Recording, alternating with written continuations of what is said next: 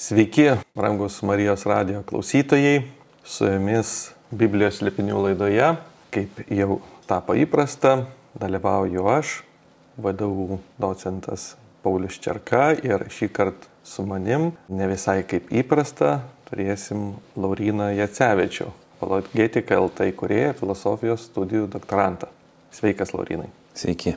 Šiek tiek turbūt reikėtų mažo komentaro, kodėl pasikeitė jau nusistovėjęs mūsų kolektyvas, galima tai pasakyti, ir turbūt klausytojai nujaučia dėl to, kad kunigas Saulis Bužauskas jau nebe kunigas, o vyskupas yra naujos naštos, na, nebeleidžia sudalyvauti turbūt visur, kur norėtųsi, todėl mes turim vilties, kad jis išliks ir kai galės prisijungs į šią laidą, tačiau turbūt nebe į kiekvieną.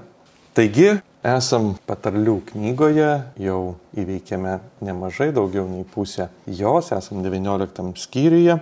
Šiek tiek klausytojams tokį trumpą įžangą norėčiau priminti, kas tai per knyga ir kaip mes ją skaitome. Tai yra išminties literatūra, tradiciškai priskiriama Saliamonui, bet čia greičiau reikėtų sakyti, kad ne tiesioginė prasme tai žmogus, kuris ją visą surašė, bet turbūt tai yra išminties mokykla, karališko išminties mokykla, kuri pagimdė šią tradiciją tą tikrą ir kaip galutinis produktas yra tos išminties mokyklos vaisius, todėl mes ir vadinam tą knygą, pavadinkime, mokyklos pradininko vardu, bet pačioj knygoje yra nurodyti jau bent jau ir keli autoriai, ne vien Saliamonas. Knygoje mes perskaitėm pirmus devynis skyrius, jie išsiskiria kaip tokia įžanga į išmintį buvo dešimt pokalbių tarp tėvo ir sunaus ir tų pokalbių esmė tarp jų buvo įtirtos paėmos su dviem moterim - išmintim ir kvailystė. Po dešimtos skyriaus mes pradedam tokias tarytum patarlių etapą, kuomet yra mažos patarlės, priežodžiai arba palyginimai. Visais tai žodžiais tikrai galima versti hebrajišką žodį išverstą tiesiog kaip patarlės, jis yra platesnis, kaip myslės ir suprantama, kad jos turi turbūt daugia prasme savo vertę, ne tik tiesioginę, tam tikrą būtinę, bet ir e, matyti yra ir gilesnė prasme, kurią mes bandome padiskutuoti. Taigi tokia trumpa įžanga ir kviečiu atsiversti arba skaityti kartu patarlių 19 skyrių. Taip pat jūs galite rašyti klausimus elektroniniu paštu į Marijos radijos studiją ir mes būtinai juos sakysim, nebūtinai ar tai bus iš to ar kitos skyriaus, bet norėtųsi aišku iš šios knygos. Taigi, Laurinai, tau žodis vesti šias patarlės. Dar kartą sveiki visi. Pradėsim skaityti 19 skyrių, aišku, nuo pirmos eilutės, tačiau noriu priminti, kad iškart nepulsim perskaityti visos šitos patarlės, bet žiūrėsim po vieną, galbūt po dvi, po tris eilutes, kur užstriks e, mintis, kur kils klausimas ir tada prašysiu Pauliaus, kad jisai paaiškintų kažkokių savo išvalgų pateiktų. Tai mano darbas šiandien daugiau tokio moderatoriaus, aš galbūt nelabai daug ką sakysiu, bet Paulius pabandys sureaguoti. Taigi, patarlių 19 skyrius, pirma eilutė. Geriau vargšas, kuris dorai gyvena, negu kvailas, kuris suktai kalba.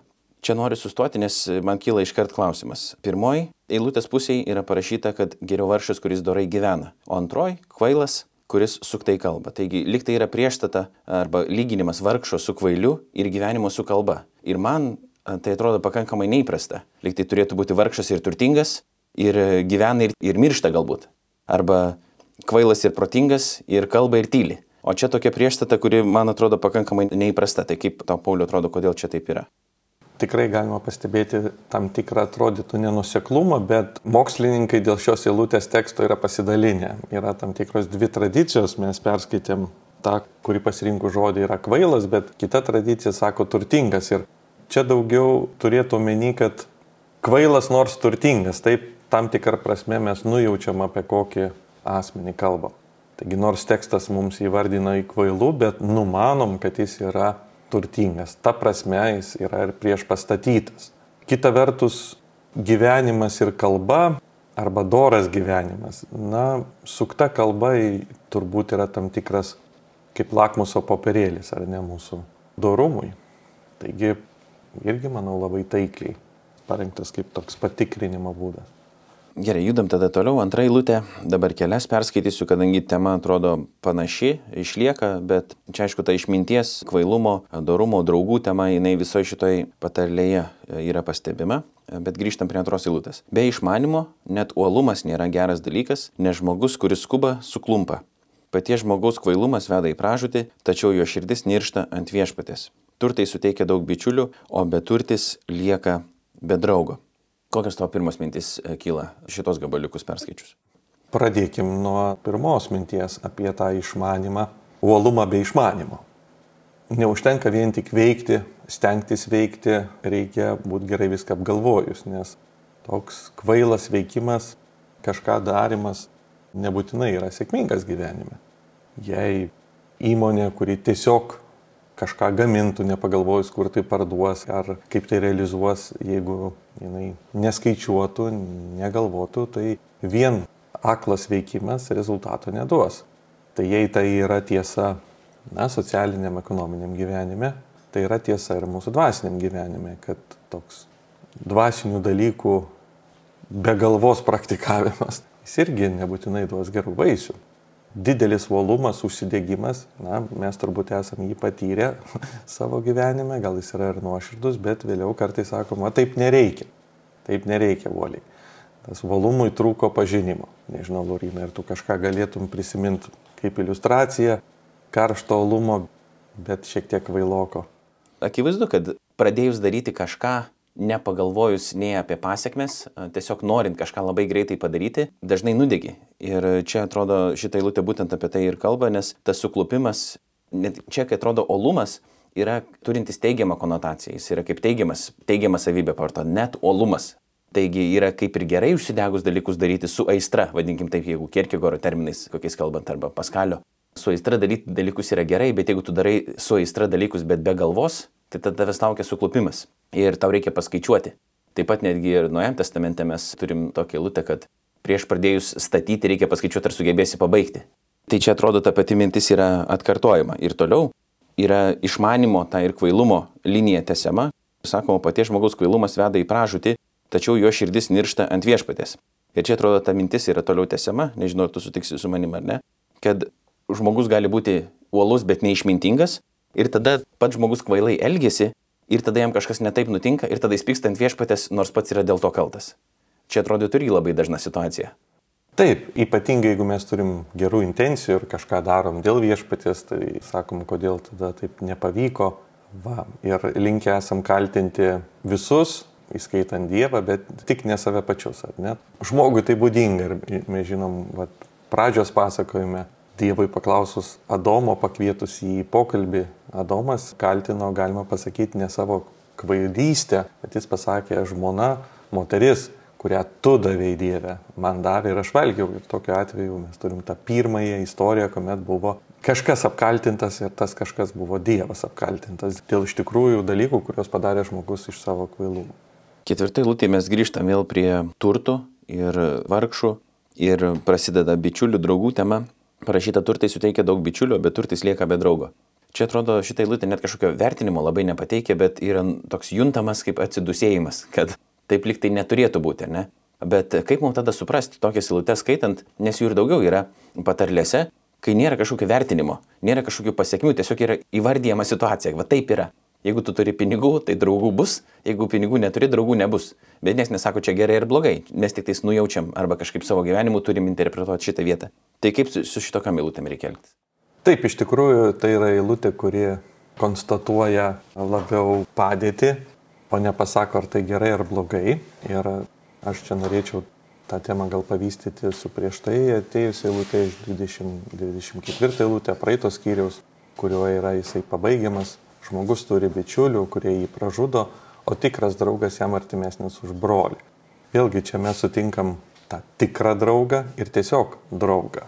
Lygiai taip pat ir lietuviškose liaudės patarlėse mes galim sutikti labai nemažai skiriamų draugystiai, kurios atrodytų iš pirmo žvilgsnio grinai techniškai gal net ir prieštarautų viena kitai, nes vienos kalbėtų apie draugus, kurių tu netenki, o kitos apie draugą, kurį tu išlaikai. Pavyzdžiui, į duobę pateksi, draugo neteksi, į bėdą nepuolės, draugo nepažinsi, kitas sako. vargas draugus išblaško, turiu pinigų atsiras ir draugų. Taip, bet kita vertus yra ir tos, kurie sako, negirk dienos be vakaro draugo, kol bėdos nepatyrėjai.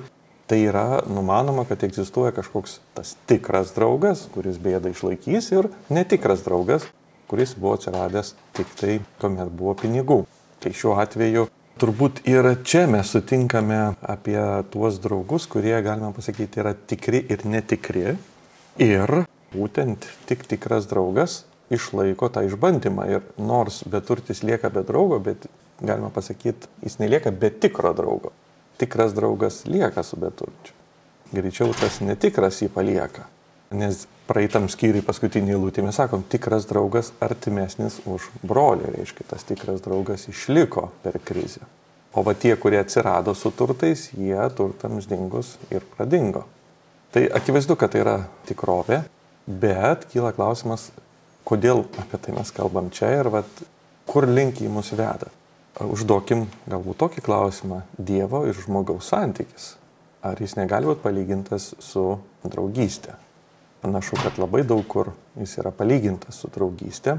Ir viena vertus, Dievas yra tas, kuris nepalieka žmogaus varge. Adomui nupuolus jis jo nepaliko. Tai mes matom jį kaip tikrą draugą, jeigu iš jo pusės. Iš kitos pusės mes sutiksim vat, ir šitam skyriui nemažai tų patarlių, kuomet kelia klausimą, o kaip turtingam susirasti draugų, kad jie būtų jo tikri draugai, nes dėl turto jis gali jų turėti daug. Ir jeigu Dievas mums akivaizdžiai parodytų savo gali ir turtus, na, turbūt nebūtų labai neįprasta, kad daugelis žmonių taptų jam draugais. Bet iškyla klausimas, kaip jam rasti tą tikrai. Turbūt būtinai išbandyti ir tarytum pačiam tapti tuo vargšu. Ir mes matom, kad Dievas kaip tik renkasi tą kelią, jis tampa žmogumi ir jis netampa imperatoriumi Romos, jis ateina į nedidelį miestelį, Nazaretą, gyvena kaip paprastas žmogus, dailydė. Būtent tokiu būdu jis ieško tų tikrų draugų, o ne tų, kurie jam taptų tik dėl jo, na, turtų. Taip gal pasvarstyčiau, nežinau, Varinai, kaip tavo atrodo. Aš prisimenu dabar tokią e, moralinę liniją, moralinės minties liniją einančią įvairiose filmuose, pasakose kai yra koks nors kilmingas žmogus, karalaitė ar karalaitis, kuris apsimeta neturtingu tam, kad galėtų patikrinti, ar iš tikrųjų jį myli tas kitas žmogus ir iš tikrųjų nori su juo būti, ar tik tais nori būti dėl statuso ir pinigų ir panašiai. Tai tokia yra mums žmonėms suprantama, labai suprantama mintis, noras ištikimybės iš kito žmogaus ir noras autentiško, tikro santykio, kuris būtų paremtas tikra meilė dėl to, kas tu esi, o ne dėl to, ką tu turi. Tai man atrodo, kad šitos vietos labai tą atliepia, tik man kyla klausimas dėl tų draugų. Net po to ir septintoji lūtė, prie kurios mes vėliau dar prieisim, bet vis tiek noriu šiek tiek paskaityti, visi vargšo artimieji jį niekina, o dar labiau jo vengia draugai, kai jis jų šaukėsi nėra. Tai kokie jie draugai, jeigu vengia? Kam iš vis tą žodį vartoti, kodėl taikyti žodį draugai? Ir aš tada atsimenu irgi tokius pasakojimus žmonių, kurie, pavyzdžiui, nu, mėgsta karts nuo karto išgerti ir sako, mano draugai ten mane primušė, pavogė mano pinigus, nu, va tie, kurie atėjo su manim išgerti, su gerovai. Tai aš galvoju, kas čia per draugai, jeigu jie nuolat taip elgesi, bet tas žmogus vis dėlto taiko žodį jiems draugai. Ir ne tik sugerimo, sakykime, tame kontekste, bet ir apskritai, kai vat, elgesi su žmogumi labai netinkamai, santykis matosi yra lygiai iš išskaičiam arba neaišku, koks tas santykis, bet vis dėlto kreipiasi mano draugas, bet tada yra vien neigiami apibūdinimai. Tai kas čia per draugas, galvoju. Ir ar tada tinka tą žodį iš vis vartoti gerai, jeigu tu sakai tikri draugai ir netikri draugai, Tai bet galima gal sakyti draugai ir tada kas nors kitas. Nežinau, kaip reikėtų pavadinti, bet kokį nors kitą žodį atrasti, nes dabar jisai mane šiek tiek glumina. Draugai palieka. Nu tai kokie jie draugai? Ar čia mus kiek tik tekstas kviečia kažkaip uh, tapti šokiruotėms truputį, bandyti, kas čia dabar vyksta, jeigu jisai draugas, tai jis neturėtų taip elgtis? Ne, jis neturėtų taip elgtis, bet jis vis tik pasielgia. Tai tuo atveju Jėzų irgi išdavė jo mokinys, kuris vadina jį draugu. Jėzus beje, kai jis atėjo į Getsemanės sodą jį pavadina ne visai draugu, o tokiu prietelium jį kreipdamasis. Tačiau mes žinom, kad jis buvo jo mokinių tarpė ir Jėzus jį laikė draugu, tačiau jis jį išdavė, tai draugai išduoda. Tai nereiškia, kad jis nėra draugas, bet jis tiesiog buvo prastas draugas, pavadinkime taip. Na, judam toliau, dar grįšim Gerai, tada skaitau aš nuo penktos iki devintos eilutės, kadangi man atrodo, čia vyksta tarsi toks įrėminimas, pataisysi mane, jeigu aš klystu, bet galbūt. Melagingas liudytojas neliks nepasmerktas, o kas sumeluoja, tas neišsigelbės. Daugelis pataikauja kilmingam žmogui, o duodančiam dovaną kiekvienas yra draugas. Visi vargšo artimieji jį niekina, o dar labiau jo vengia draugai. Kai jis jų šaukėsi, jų nėra.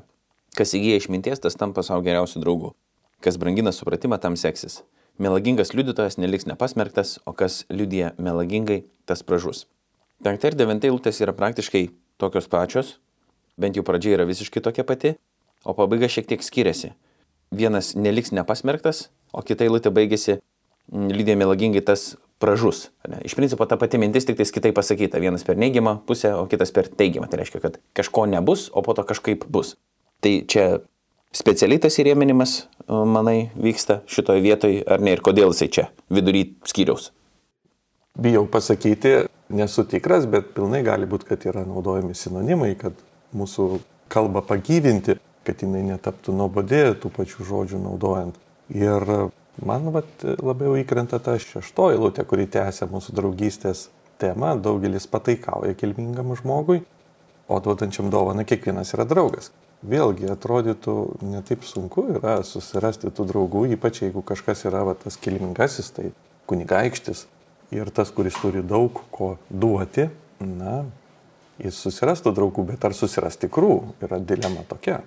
Ir, vat, kaip ir pats minėjai, kaip tam kunigaikščiui susirasti tų tikrų draugų. Ir jeigu mes mąstum apie Dievą, kaip apie tikrai tą, kuris visus valdo ir tikrai tą, kuris visą turi, Tai šiuo atveju na, yra dilema yra, kaip atskirti tikrą nuo netikrą draugo. Kita vertus, va, teko pasiskaityti komentarus garsaus žydų, judėjų, rabino, rašy 11 amžiaus komentarais. Čia masto, kad žmogus, kuris dalinasi torą, yra tas, kuris dalina tuos turtus ir tokiu būdu jis susiras daug draugų. Ir čia mums turbūt prisimena Jėzaus žodžiai, kai Petrui paklausus, kas mūsų laukia, štai mes visą palikom ir jis sako, jūs turėsite šimteriopai tų ir brolių, ir sesių, ir kitaip tariant, tą šeimyną, tų draugų, na, einant, sekant Kristumi, turėtų išaukti. Tai vėlgi besidalinančio gerąją naujieną mes galėtume taip matyti. Tas, kuris dalina gerą naujieną, jisai tuo keliu susiranda tikrai tikrų gerų naujų draugų. Dar čia kita naujojo testamento vieta man ateina į galvą apie tą, kuris nu, atranda perlą arba po to yra šventas raštas kaip didelis lobynas, iš kurio galima atrasti ten gerų daiktų, ar ne? Klausimas, ką tada žmonės su jais daro, ar duoda kitiems, ar patys savo pasilieka, bet kad ta pati linija atrodo tada eina ir toliau Naujajam testamente. Aš galbūt dar sureaguosiu šiek tiek į tą patį savo klausimą, 5-9 eilutės. Du mane pataisys, jeigu aš klystu, vis dėlto tai skyriai šventojo rašto buvo įrašyti tikrai ne pirmaisiais amžiais, nežinau, viduramžiais galbūt kažkada, ar ne, ženkliai vėliau jie buvo priskirti. Taip, skyriai ir eilutės atsirado vėliau. Tas labai pagelbsti, bet tai dabar nereiškia, čia skyrius nėra įkvėptas Dievo dalykas kaip skyriaus numeriukas. Tai buvo vis dėlto sudėta žmonių, kurie galvoja, kad tai būtų geriausia, geriausia sudėlioti ir kartais tai padeda, kartais tai gali išmušti iš vėžių, jeigu, pavyzdžiui, vienoje mintis kažkur nutrūksta vidury skyriaus pabaigos ir kartais taip gali būti.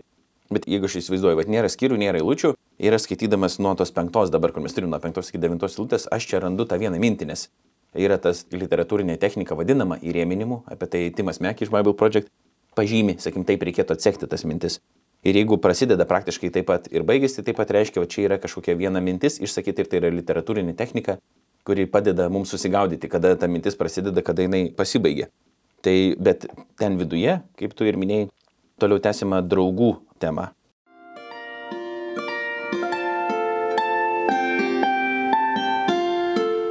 Jūs girdite Marijos radiją.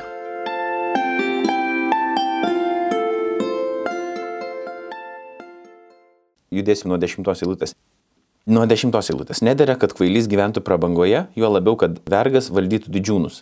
Sumanus žmogus negreitas pykti, o atleisti įžeidimą jam garbė. Karaliaus piktis kaip liūto reumojimas, o jo malonė kaip rasa ant žolės.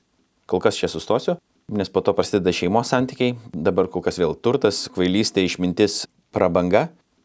Kodėl dabar kvailys negali gyventi prabangoje pagal patarlės? Nedėra, kitaip tariant, vėlgi tai netinka. Prabanga turi savo vietą. Paprastai, kur mes matome, kad jį dera, na, paprastas būtų svarbus valstybinis įvykis, dalyvauja valstybių atstovai ir iš esmės tai yra šventinė atmosfera ir norėtųsi, kad ji būtų išskirta ir tarytum ten ji tikrai dera. Kita vertus, kaip matom, gali tai atrodyti žmogus, kuris gyvena na, nekokį gyvenimą ir staiga pas jį yra tos prabangos elementai ir kaip ir tai nedėra su tuo gyvenimo būdu, kuris jisai turi. Tai vėl prabanga turi tam tikrą vietą, bet jinai vat, nedėra tam kvailiui, galima pasakyti. Ir toliau eina kalba apie tą valdymą. Vergas valdytų didžiūnus. Tarybiniais laikais buvo teigiama, kad visi gali valdyti valstybę, bet mes žinom iš to eksperimento, kad iš tikrųjų nelabai pavyksta bet kam valdyti valstybę. Ir tarytum ta akivaizdi tiesa, kuo tai galime mes prisitaikyti savo, aš sakyčiau, va, tas valdytojo tema yra irgi nuo naratyvo pačios pradžios, Dievas sukuria žmogų ir pašaukė jį valdyti, kad jis valdydamas perteiktų Dievo išminti, Dievo tvarką kūrinyje, kurią jis skirtas valdyti. Žmogui nepavyksta tai, jisai krenta per savo kvailystę, bet į tą pašaukimą jis turi būti kažkaip sugražintas. Ir mes vėl kalbam apie tą valdymą, tai Naujam testamente, romiečiams laiške, paštas Paulius kalba apie tai, kad tie, kas seka Kristumi, valdys gyvenime. Tai visų pirma save, savo įstras, savo įnorius. Taip kaip šventam rašte savo kūną suvaldyti. Mes esam pašaukti pirmiausia save pačius valdyti. Ir šiuo atveju vergas valdytų didžiūnus būtų daugiau, mažiau, kad mūsų turbūt kūniškos aistros valdytų mus. O vat mūsų na, vidiniai dalykai, vidinis žmogus, jam dera valdyti mūsų atvirkščiai. Mūsų reiškia tos išorinius įnorius, mūsų kūniškas aistras, turbūt šitoje lūtėje. Taip aš išvelgčiau. Kodėl aš klausiu šito klausimu, ne tiek man svarbu dabar, aš kaip ir suprantu, kodėl kailiui nedėra gyventi prabangoje, bet po to mano prielaida yra kokia tada priešingai, reiškia, turėtų būti išmintingas, turėtų gyventi prabangoje, bet toli gražu ne kiekvienas išmintingas prabangoje gyvenęs. Pažiūrėtum daugelį antikos filosofų, kai kurie buvo ir prabangoje gyvenantis, aišku, kiti tik tie, kurie buvo filosofai, tai tiek tik ir galėjo būti filosofais, kurie turėjo kas jais pasirūpintų, vergų, dar kažko, nes kitaip reikėtų tiesiog gaminti savo duoną ir maistą visą dieną, keurą dieną. Bet jeigu mes žiūrime į Jėzų, tai jis yra išminties įsikūnymas. Ne? Jisai toli gražu negyveno prabangoje. Tai mums čia ką reikėtų dabar suprasti, kad nu taip nedėra, ar ne, kad iš tikrųjų karalius turėtų kitaip gyventi, išmintingas turėtų kitaip gyventi. Jo, bet duotų atveju čia alternatyva tam kvailiui nėra tas išmintingas, čia eina kalba apie didžiūną. Taip kad prabanga tinka didžiūnams. O jeigu tu nori, nebūdamas didžiūnų, ją prisiskiria, tai tu esi kvailas. Čia idėja yra tokia. Čia nėra kvailys ir išmintingas, bet tai yra kvailys, kuris nori gyventi kaip didžiūnas. Mhm. Toliau apie karalių eina kalba ir čia atrodo galima išvelgti vėl nuorodas į Jėzų. Jėzus yra karalius viso ko, jis taip pat yra liudo liūtas ir parašyta karalius piktis kaip liūto reumojimas. Ir tada kitai, tai jo malonė kaip prasant žolės, irgi apie malonę labai daug yra kalbama. Per Jėzų atėjo malonė ir tiesa. Ir po to jis yra gyvasis vanduo, tai irgi yra sant žolės, vėl vanduo. Tada augalai, Edeno sodas irgi pilnas yra, Tai čia tokios aliuzijos tiek į atgal, tiek į, tiek į priekį. Ar aš čia kažką taip pataikau, ar čia nieko bendro su to neturi? Pritarčiau, Laurinai, tau. Tiesiog galbūt šiandien mes, kadangi neturim to karaliaus instituto, ar mums na, atrodo kaip iš pasakų herojų, tas tekstas apie karaliaus pyktį ir jo malonę. Iš tikrųjų, kai mes kalbam apie malonę ir Naujam testamentą malonę, tai jo prasme yra maloningumas karaliaus akise, reiškia, kuomet karalius yra palankiai nusiteikęs kažkam. Bet e, pakeiskim žodį karalius į valstybę. Nu, iš esmės tai galima pasakyti, kad valstybės pyktis iš tikrųjų yra labai pavojingas, kai pati valstybė nusprendžia su kažko kovoti arba atvirkščiai. Valstybės palaikymas yra didelė palaima ir pažiūrėkim į Europą, į Ukrainos ir Rusijos karą. Šiuo atveju mes turim Ukrainos žmonėms vėlgi ir malonė valstybių, tai yra palaikymas, parama ir tai galima palyginti turbūt būtų su ta rasa ant žolės, kad pasaulio valstybės palaiko ir kita vertus egzistuoja ir valstybių tam tikras ir pyktis, palaikymas ginklais ir tas yra iš tikrųjų, na, vėlgi, ta valstybių politika, jinai gali išreikšti, mano galva, panašiai kaip ir karaliaus sprendimai. Arba kovoti su kažkokiu tai reiškiniu ir tada yra labai rimta, kai valstybė nusprendžia su to kovoti arba jį palaikyti. Ir iš tokių vat, pavyzdžių mes labiau suprantam ir dievišką veikimą. Gerai, judam toliau. Kvailas vaikas, 13 eilutė čia, neviltis tėvui, o niurnanti žmona nuolat lašantis vanduo. Namai ir turtas iš tėvų gautas paveldas, o su mani žmona ateina iš viešpatės. Kol kas čia pristojom, gal trumpai aptarkim ir po to greitai judėsim toliau, nes čia vėl mintis panaši, tęsiama apie šeimos santykius, vyrą, žmoną, vaikus. Ir kvailas vaikas neviltis tėvui, o niurnanti žmona nuolat lašantis vanduo. Ar čia yra tada toks tiesiog įvardyjimas to, kaip yra šeimos santykiuose, ir vėl čia yra kažkokia galbūt e, gilesnė mintis, ar slėpinys, nuoroda į kažkokį dvasinę realybę? Iš tikrųjų, idėja yra tokia, kad ne tik svarbu, kiek tu turi turto namuose, kaip daug svarbiau yra su kuo tu gyveni. Ir kaip, kokius santykius turi tose namuose, kad tas gyvenimas yra labiau svarbus arba labiau gali tavo gyvenimą apsunkinti arba priešingai padaryti jį malonu, negu kiekis daiktų, kuris yra namuose. Tai šiuo atveju, nors tai yra palyginime žmona, bet iš principo tai yra šeimos narys.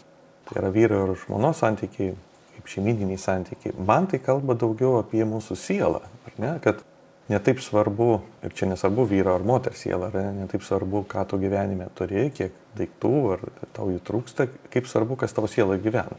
Ir va tos, pavadinkime, darybės arba įdos, tai yra tarytum tos viduje gyvenantys šeimos nariai. Ir jeigu yra va, tarytum va, ta murmanti žmona, tai ir mūsų nepatenkinti įgeidžiai, ne, kurie kankina žmogų ir nepaisant to, kad jis gyvenime gali turėti daug daiktų, vidinės aistros jį kankina taip, kad jis nelaimingas yra. O žmogus, kuris gal turi jų mažiau, bet tarytum savo sielai turi ramybę, tai ką jis jaučia pasitenkinimą. Čia idėja turbūt yra tokia, kad tai, kas tavo namuose, nulėmė, kiek tu gyvenime laimingas, tai kas tavo viduje. Skaitom toliau. Nuo 15 eilutės tingumas panardina žmogui gilų miegą, apsileidėlis turi kesti alkį. Kas gerbė savo gyvastį, tas laikosi įsakymo, nesirūpinti savo elgesiu mirtina klaida. Kas dosnus vargšui, tas skolina viešpačiui, jis atmokės jam už gerą darbą. Savo vaiką griežtai pamokyk, nes tai teikia viltį, bet netrokš jo mirties. Čia atrodo kelios mintis skirtingos išsakytos, nors vėlgi turim ir šeimos santykius, įsiveda tingumas, kuris yra susijęs su kvailystė, ir nesirūpinti savo elgesiu irgi yra kvailystė, tai kaip ir atrodo skirtingos mintis, bet linija ta pati. Bet kas tau čia pirmiausia krenta į akį šito bloko? Mes turim dar vieną temą apie tinkumą. Matysim, kad 24 lūtė tinginys kiša ranką į dubenį, bet nepakels jo prie burnos, o štai čia, sakom, tingumas kaip letargo miegas, kaip nuskausminantis, tu užmiegis, tave apsvaigina, kaip svigulys. Ir ekonominiam gyvenime tai turbūt tokia akivaizdi tiesa, Jeigu mes nustojame veikti, tai neišvengiamai ateina tam tikras užmygimas ir kaip rezultate ekonominiai nuostoliai, bet ta tiesa yra ir dvasiniam gyvenime. Žmogus negali važiuoti vakarykščią patirtimį, jis turi nuolat veikti, nuolat dirbti su savimi, nes ir dvasiniam gyvenime tingumas gali labai brangiai kainuoti.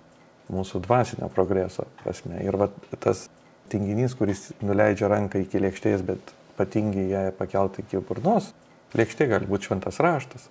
Reiškia, tu jį nusipirki, tu jį turi rankose, bet iki burnos taip ir nepakeli, reiškia, tiek nedaug trūksta. Bet žmonės turi lentynoje, tačiau tingi paskaityti, ar ne? Gali nueiti ir į pamaldas, ar ne? Ir ten atbūti, kaip sakyti, atsėdėti tam, kad galėtum kuo greičiau namo ir nieko jokio peno negauti. Vien tas savo kūno nunešimas taip, taip. į tam tikrą vietą nereiškia dar dvasinio pasimaitinimo. Tai čia būtų toks va, tos rankos pusė darbo, ar ne ranką nuleidai, bet nepakėlė. Man aluzija tokia ateina, šiaip galbūt bus klausytojams jinai gerai suprantama, tokia kasdieniška, galima taikyti sporto arba bet kokios nors kitos veiklos pavyzdį, kai žmogus nori kažko išmokti, pavyzdžiui, groti smūku, kalbą išmokti, gaminti kažkokį patiekalą, nu gerai gaminti ar sportuoti, ar ne. Neužtenka vieną kartą pažiūrėti receptą, neužtenka vieną kartą nueiti į, į sporto klubą, neužtenka vieną kartą tą smūkiai savo rankas paimti. Nieko, kaip sakytų, per tą vieną kartą nepadarysi. Jeigu to labiau žiūrėsi tik tais į tos hantelius, irgi niekas nepasikeis. Bet irgi kitas klausimas yra, kai tu jau pasiekai kažkokį lygį, ar ne, pasportuoji, jau ten numeti svorio, geriau jautiesi, jau kažkokius įgūdžius įgauni groti smūku, tai nereiškia, kad viskas dabar jau taip, kiek sustojau šito momentu, tiek visą gyvenimą ir bus. Jeigu tu nekopi į viršų, tai tu regresuoji, judi atgal kaip eskalatorium. Čia kažkas panašaus tokiu kaip eskalatorium lipti, kuris važiuoja į apačią. Kol tu lipi, tai tu gali tą eskalatorių kažkiek pralenkti, bet jeigu tu sustosi, tave nuveš į apačią. Ne, nėra taip, kad toj pačioj vietoje ir būsi. Tai yra dvasinis gyvenimas, tuo labiau, kad jis yra kova, kurią reikia būti nuolat pasiruošus. Toliau mintis eina apie gerbimą savo gyvasties ir laikytis įsakymų, bei tai, kad to rezultatas, jeigu nesirūpini savo elgesiu, tai yra mirtina klaida. Apie ką čia eina kalba? Na, duotų atveju, sakykime, tas, kuris viršė greitį ir rizikuoja savo gyvybę, mes pasakytume taip, ar ne, tai moralinių dėsnių nesilaikimas irgi sukelia grėsmę mūsų amžinam saugumui. Tai šiuo atveju turbūt idėja tokia, kad taip kaip gyvenimiškų taisyklių nesilaikimas sukelia grėsmę mūsų gyvybei, taip ir dangiškų nesilaikimas sukelia grėsmę mūsų amžinybės perspektyvai, turbūt taip. Man atrodo, kad mums reikia šiek tiek paspartinti tempą, kad mes galėtumėm prieiti iki pabaigos šiandien, nes turim galbūt kokias septynias minutės, bet e, porai vietų čia trumpai galima sureaguoti, galbūt aš sureaguosiu į vieną vietą, į kitą tada tu, Kas dosnus varšui tas skolina viešpačiui, jis atmokės jam už gerą darbą. Čia Jėzaus lūpose randam tos pačius e, žodžius, tik tais kitaip irgi pasakytus, ne, kad jeigu aplankėt kalėjime esant, jeigu pamaitinot alkstant, jeigu pagirdėt trokštant, tai mane pamaitinat. Tai reiškia, kad mes.